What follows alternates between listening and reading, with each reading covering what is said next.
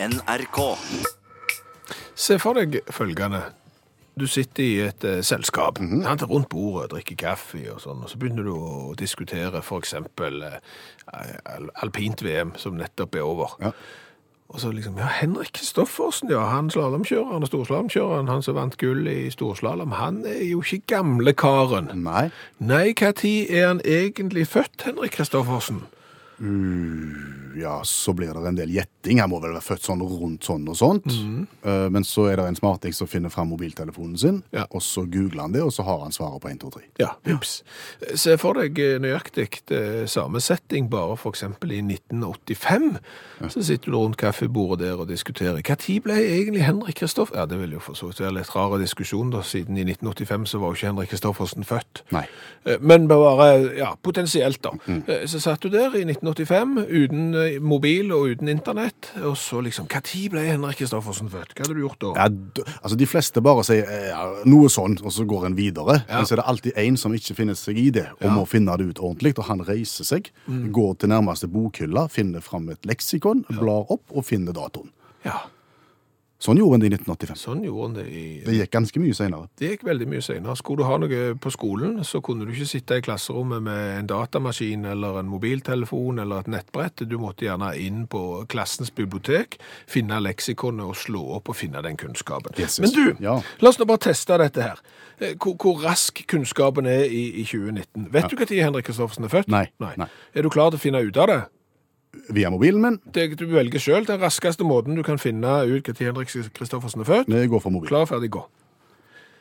Du taster på mobil. Mm. skriver ganske sent, da. Ja, du, Henrik, Nå kommer den opp, og så går vi inn på den. Og så ser jeg at Henrik er født samme dag som meg, faktisk. 2. juli 1994. Altså samme dato. Ja, samme dato. Nei. 1994. Det skulle tatt seg ut. Ja. OK, ja. Stemmer, det? Stemmer det. 2. juli 1994 på Lørenskog, faktisk. Ja. 12 sekunder og 93 hundredeler. Det er raskt. Det er raskt. Ja. Og så var det jo dette, da. Hvor lang tid hadde dette tatt å finne ut av hvis du var på 80-tallet, f.eks. på skolen? Jeg, jeg har funnet fram et annet spørsmål, så jeg vil at du skal finne fram på den raskeste analoge måten som du klarer. OK. Da må jeg til biblioteket her i huset, Ja, som er, er noen meter. det er noen meter, ja, og det er sjelden brukt. Ja, OK. og der må du da finne et leksikon. Ja. Eh, Har du lyst til å f- høre spørsmålet? Jeg må finne fram stoppklokka mi igjen. Så må du aktivisere den på mobiltelefonen. Nullstill sånn. Når levde Boris Pasternak? Klar, Skal- ferdig, gå.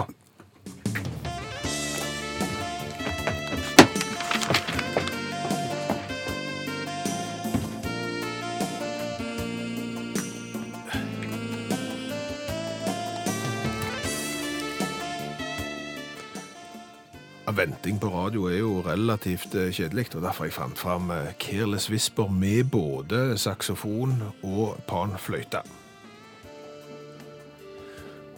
Hører jeg lyden av Kvinnesland kommer springende der, ja. Ja, Får du leksikon? Oi, voldsomt, voldsomt. Skal vi se. Har du rette leksikonet? Håper det. Du sa Boris Pasternak. Ja. Pasteurisering. Pasternak. Boris Pasternak. 1890 til 1960.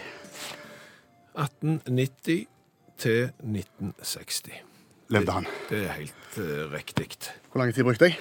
53 sekunder og 55 hundredeler. Ja, Nå sprang jeg jo det.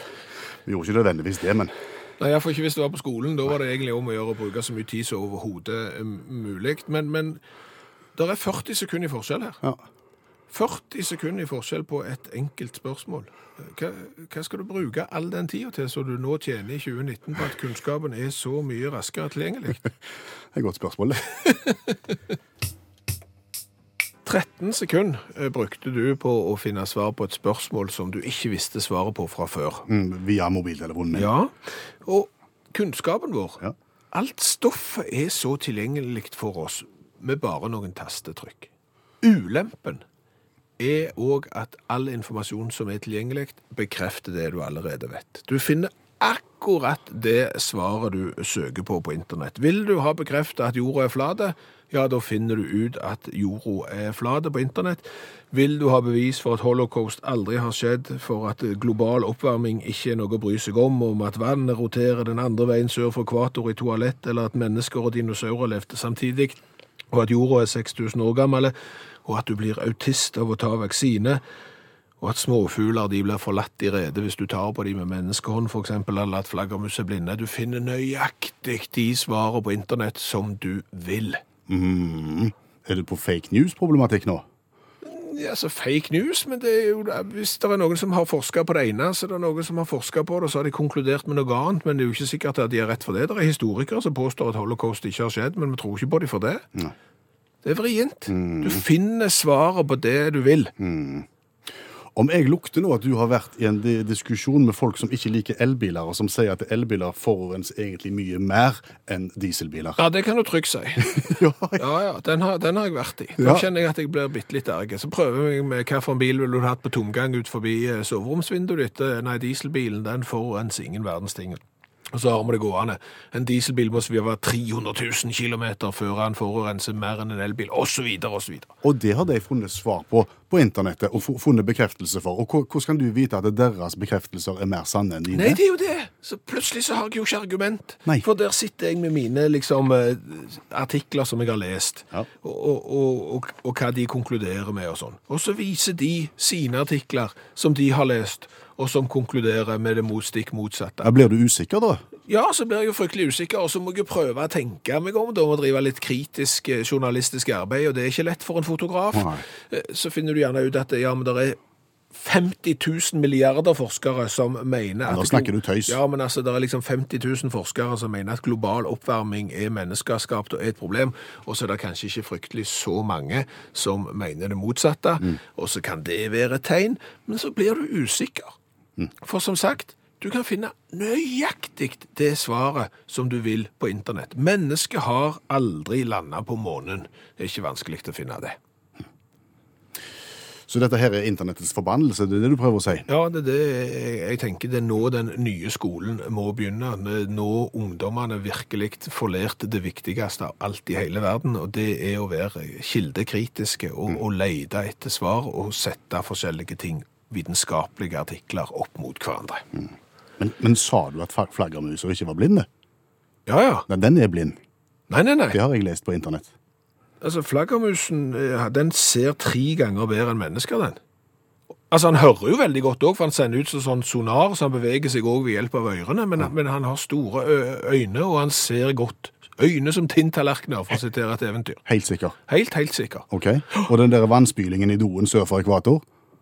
Ja, altså, hvis du heller vann i vasken din sør for ekvator Ja. og nord for ekvator, så vil vannet renne forskjellig retning. Det kalles for Coriolis-effekten. Men i et toalett, der er det ikke Coriolis-effekt, for der er toalett er bare sånn som de er. Si meg hvem har fakkelen, si meg hvem har fakkelen, jeg har den ei. Det var for så vidt ganske dårlig, men det var veldig bra innledning, da. Ja, du tenker på OL-fakkelen fra Lillehammer som har forsvunnet? Den som kronprins Håkon Magnus tente den store fakkelen med, den lille der, den er borte vekk. Noen sa rappa den? har ikke peiling, de vet ikke hvor han er, men ifølge allmennlærer med tovektig musikk, som står rett ved siden av oss og har greie på ting som vi ikke har greie på, så trenger ikke lillehamringene å- frykte at de ikke får fakkelen sin tilbake. Hvordan kan du begrunne det? Fordi at sånne OL-ting, som sånne ikoniske OL-ting som forsvinner, de har en tendens til å komme tilbake, så men det tar jækla lang tid, så de må smøre seg med tålmodighet. Har du eksempler på andre ikoniske OL-ting som har forsvunnet og kommet tilbake? Klart det. Klart jeg. Du kan, i, I Antwerpen i 1920 var det OL, og dagen før avslutningsseremonien så forsvant flagget. Det offisielle OL-flagget. Oi. Altså betyr det at eh, flagget hang oppe, og, og plutselig en dag så kommer de inn på Olympiastadion, så sier de, å nei, stangen er tom. Ja, Fortærende når du skal ha avslutningsseremoni og du har ikke flagg. Ja. Hadde noen firt flagget? Ja, det skal jeg komme tilbake til. Men det, hva de hadde gjort. Men, men iallfall, du kunne ikke overlevere det til neste arrangør, og, og det var kjipt. Måtte finne et erstatningsflagg, og de leita etter Antwerpen-flagget, og leita og leita og leita. Utover hele hundreåret lette de etter dette flagget, men fant det ikke. Når ga de opp og leide, da? Nei, ut på 90-tallet. Men så, i 1997, så hadde den amerikanske olympiske komiteen sin årlige middag.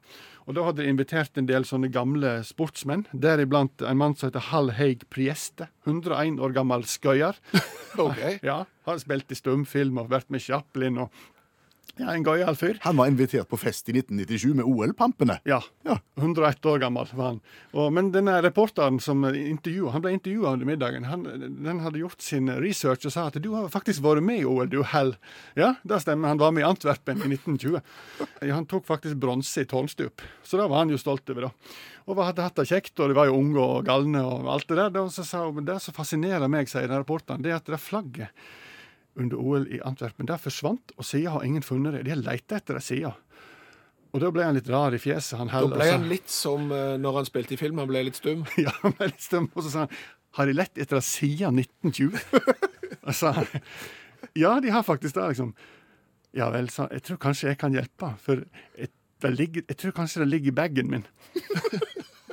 Antwerpen-bagen din. Ja, fordi at eh, det var en på laget, da. Du, Kahana Moku. Han hadde sagt jeg vedder på at du holder tårer ikke å klatre opp i flaggstanga, nappe ned flagget og stjele det.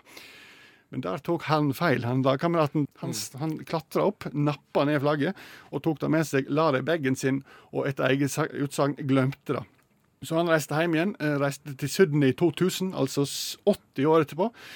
Og Der hadde han med seg flagget som han hadde funnet opp i bagen sin, i lag med noen badesko, en speedo. Eh, Der lå det flagget. i Urovekkende god stand, kan du si. Det hadde vært nappa ned, så det var litt skade i kanten. da. Så jeg vet ikke hva som er mest eh, overraskende her, eh, om at det tok 80 år før de fant flagget, eller at han ikke hadde pakka ut av bagen sin på 80 år. Men er det det flagget vi bruker den dag i dag nå? Nei, nå har de fått et nytt. altså Nå er det utstilt i Lausanne, på OL, det olympiske museet. Så det som nå sannsynligvis kommer til å skje, det er at Ole Gunnar Fidjestuel eh, Ja. Går hjem nå og plutselig finner Fasiken, der ligger det jo en sånn bag fra Lillehammer etter at jeg datt med den fakkelen. Og Ja. der var han, ja. Bare oppfordrer alle som var med på Lillehammer til å lete litt i bagen sin. Og med den oppfordringen så sier vi tusen takk til allmennlærer med to vekttall i musikk, Olav Hove. Og mens Kjetil sang, så ble vi stående og snakke med allmennlærer med to vekttall i musikk, Olav Hove, om OL-fakler. For der, der er det flere gode historier. Ja, Én ting er jo at OL-fakkelen eh, som vi har snakket om fra Lillehammer eh, i 94, er forsvunnet. Men så kan jo allmennlæreren fortelle at det er jo ikke bare å ha en fakkel heller, du skal jo tenne den. Ja, det er et styr. Ja. Sant? Eh, uh, og, og så skal han springe rundt på Lillehammer-OL. Så sprang han jo rundt i by og bygd og fjordarmer og alt slags dyr. Fakkelstafett før Fakkelstafett, ja. Og eh, sånn folkehelsemessig. Vet du, fylkesmenn og lokalpolitikere med kulemage og kols. Sant? Det var jo spikk at det gikk bra, de greiene. Så, så da, sånn, hvis vi skal tenke litt framtidsretta, så må vi ta Montreal-trikset, mener jeg, når det gjelder tenning av flamme. Når var Montreal-OL? 76. 1976. Hvordan tente de fakkelen da? Da gjorde de så high-tech så det er overhodet mulig å gjøre det. I stedet for å tenne den i Olympia og, og springe, sende den på fly, måtte de ha gjort da.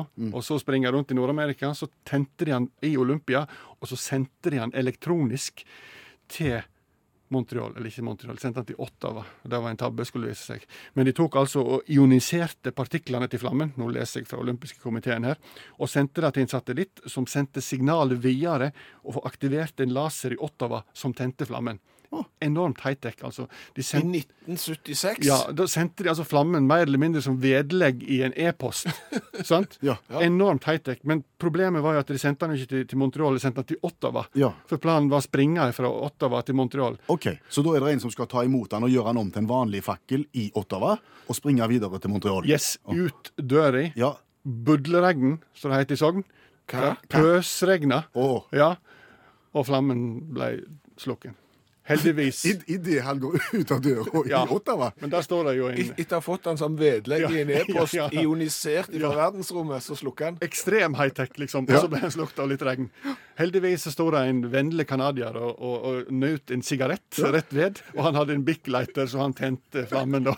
Så det ordna seg. Så ble det OLL. Ja da, det gikk så fint. da.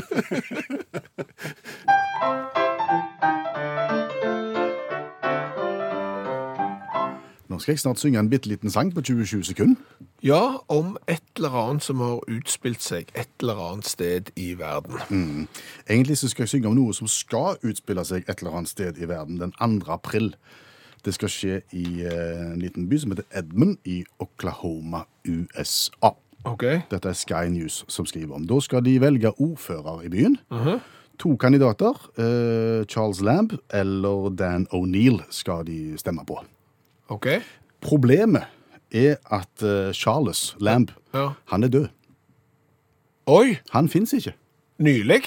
I høst. I høst. Ja, altså Charles han har vært ordfører i denne byen siden 2011. Ja. Og bestemte seg for å gå for eh, re-election, så det er altså, altså gjenvalg. Mhm. ja. Og da ble han med i et sånn et eh, trekandidatsløp i nominasjonsgreia, Mhm. før han døde, selvfølgelig. Og, og ble da nummer to i det nominasjonsløpet, sammen da med Dan O'Neill. Okay. Så det er de to. Ja. Så dør han. Ja. Men da er reglene sånn at da skal det fortsatt stemmes på han. Og ja, det er ingen vei tilbake. Hvis Nei. du først har valgt deg å stille som kandidat, så Yes. får du søren meg gjøre det òg. Ja. Så da skal det stemmes, og hvis han da skulle gå av med seieren, Ja. da er det sånn at bystyret i Edmonton, uh, Ed, Edmund, heter det ikke Edmonton, Edmund, uh, plukker en ordfører som de ønsker. Sånn er reglementet. Åh, Ja. Så det, det kan plutselig bli sånn noe lite wildcard. ja, på en måte. Det er spesielt. Ja, det er det. Ja, Men folk har stemt på mye rart òg opp gjennom tida. Ja, jeg føler jeg husker det. Ja, altså, husker du ikke Gary? Mm. Gary stilte jo til, til ordførervalg. I Han, han, var, han var geit. Gary the Goat det var geit, og så hadde han jo Roger, da, som skulle være viseborgermester. Det- Han stilte jo òg Han hadde jo, altså, Hele greia var jo egentlig klar der. Problemet til Roger var jo at han var kenguru. Dette er bare tøys. Nei, det er ikke tøys. Det er ikke tøys. Det har vært en del sånne eksempler. Jeg tror det har vært stemt på kaniner, og jeg vet ikke jeg, så stemmer på en død person fra eller. Det er jo på grensen til normalt i en rar verden. Men det måtte jo diskuteres dette her, hvorvidt en kunne gjøre det. Ja. Så en tok, for det er, det er en voldsom Facebook-kampanje som går nå for, at, for å få folk til å stemme på han som ikke fins. Mhm. Men for, før en gikk i gang med det, så konfererte en med familien hans. Eh, Døtre og sønner, Ja. hva de syns. Ja. Og de syntes det var helt flott, for de visste at han ville, egentlig. Så, for, så dette er en fin måte å hedre mannen på. Ja, så hvis han vinner, Mm. så skal bystyret velge en, og da er det vel med stor sannsynlighet at de velger han andre sitt valg, da. Det vet jeg ingenting om. Nei, det er Nei. Men her er sangen.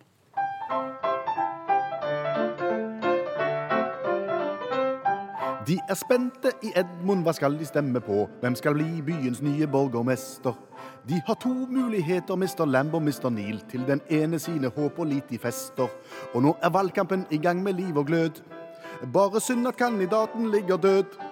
Han sa ja til nominasjonen før han opp i kista krøp. Valgprognosen indikerer nå dødt løp.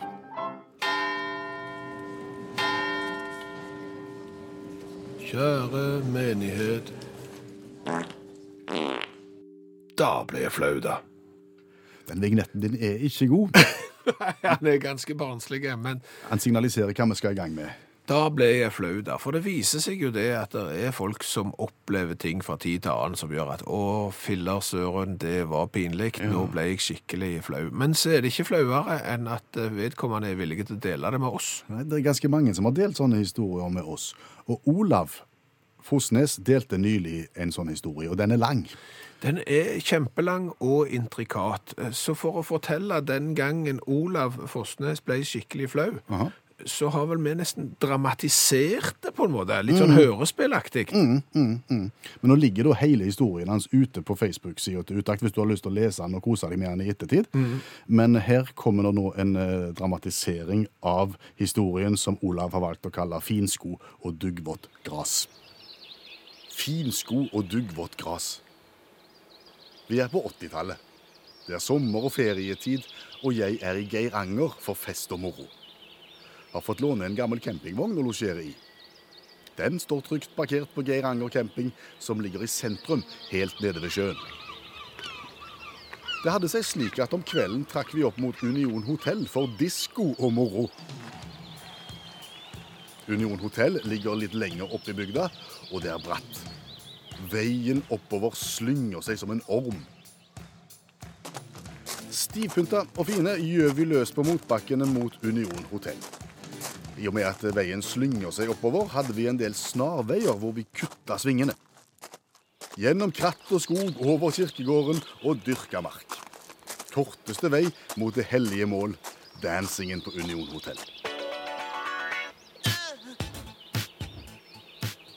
På denne tiden kunne du ikke møte opp i hva som helst. Å nei, det var strenge kleskoder. Så vi kledde oss opp omtrent som en Poco Loco-reklame hadde spydd på oss. Med trange bukser og breie skuldre.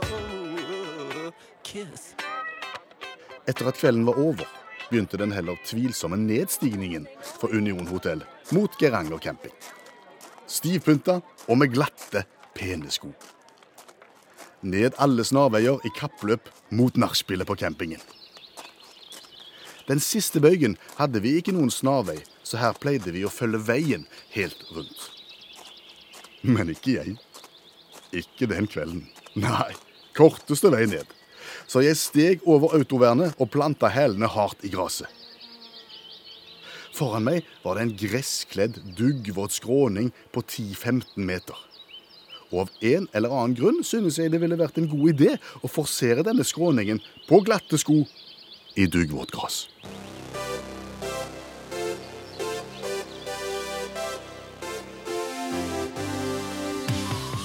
Det gikk som det måtte gå. Idet jeg satte foten ned i skråningen, tok jeg løs som en skihopper på vei ned overrennet i Holmenkollen.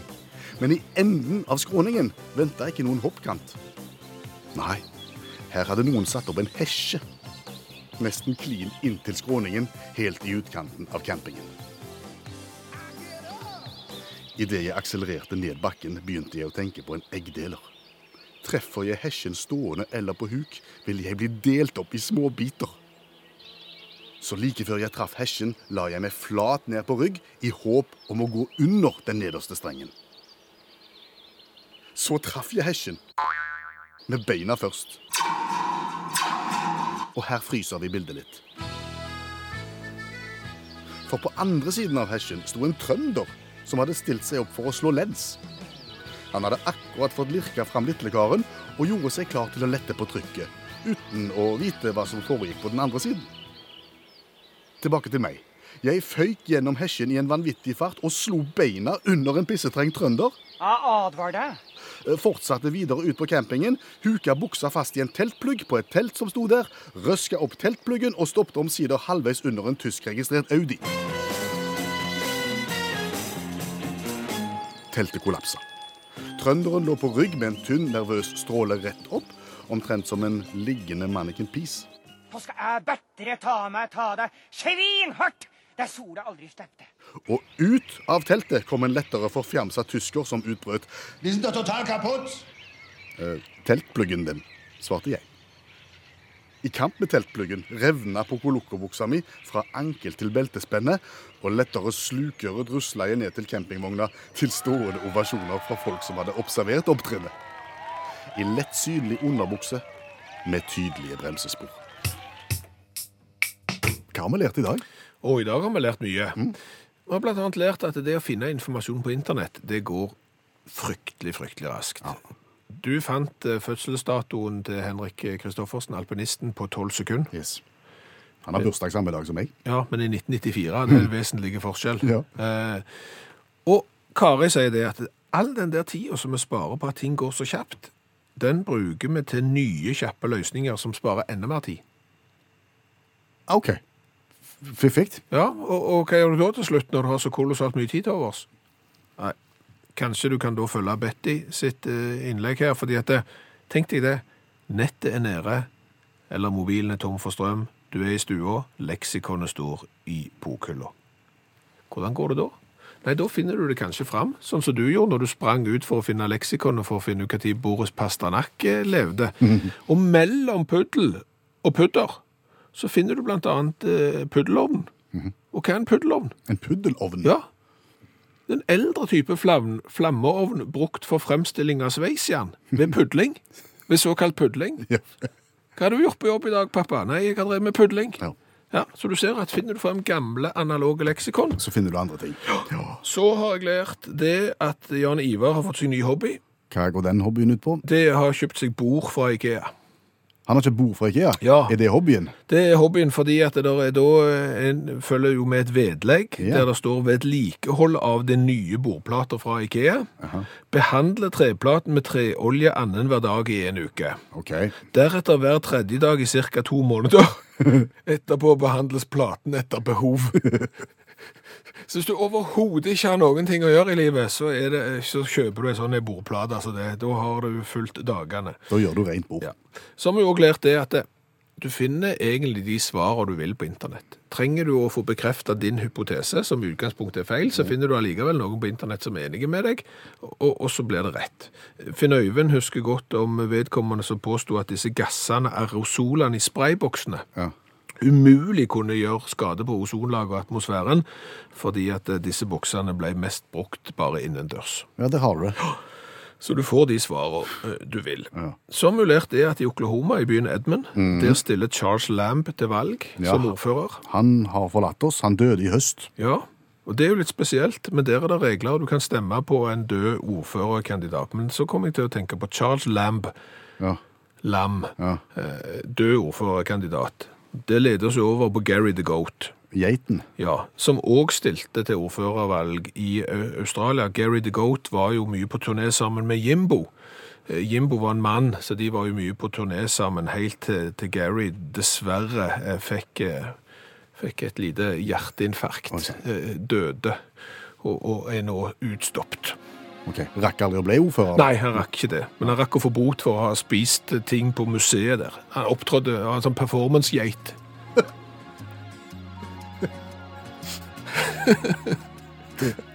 Det er sjelden. Ja.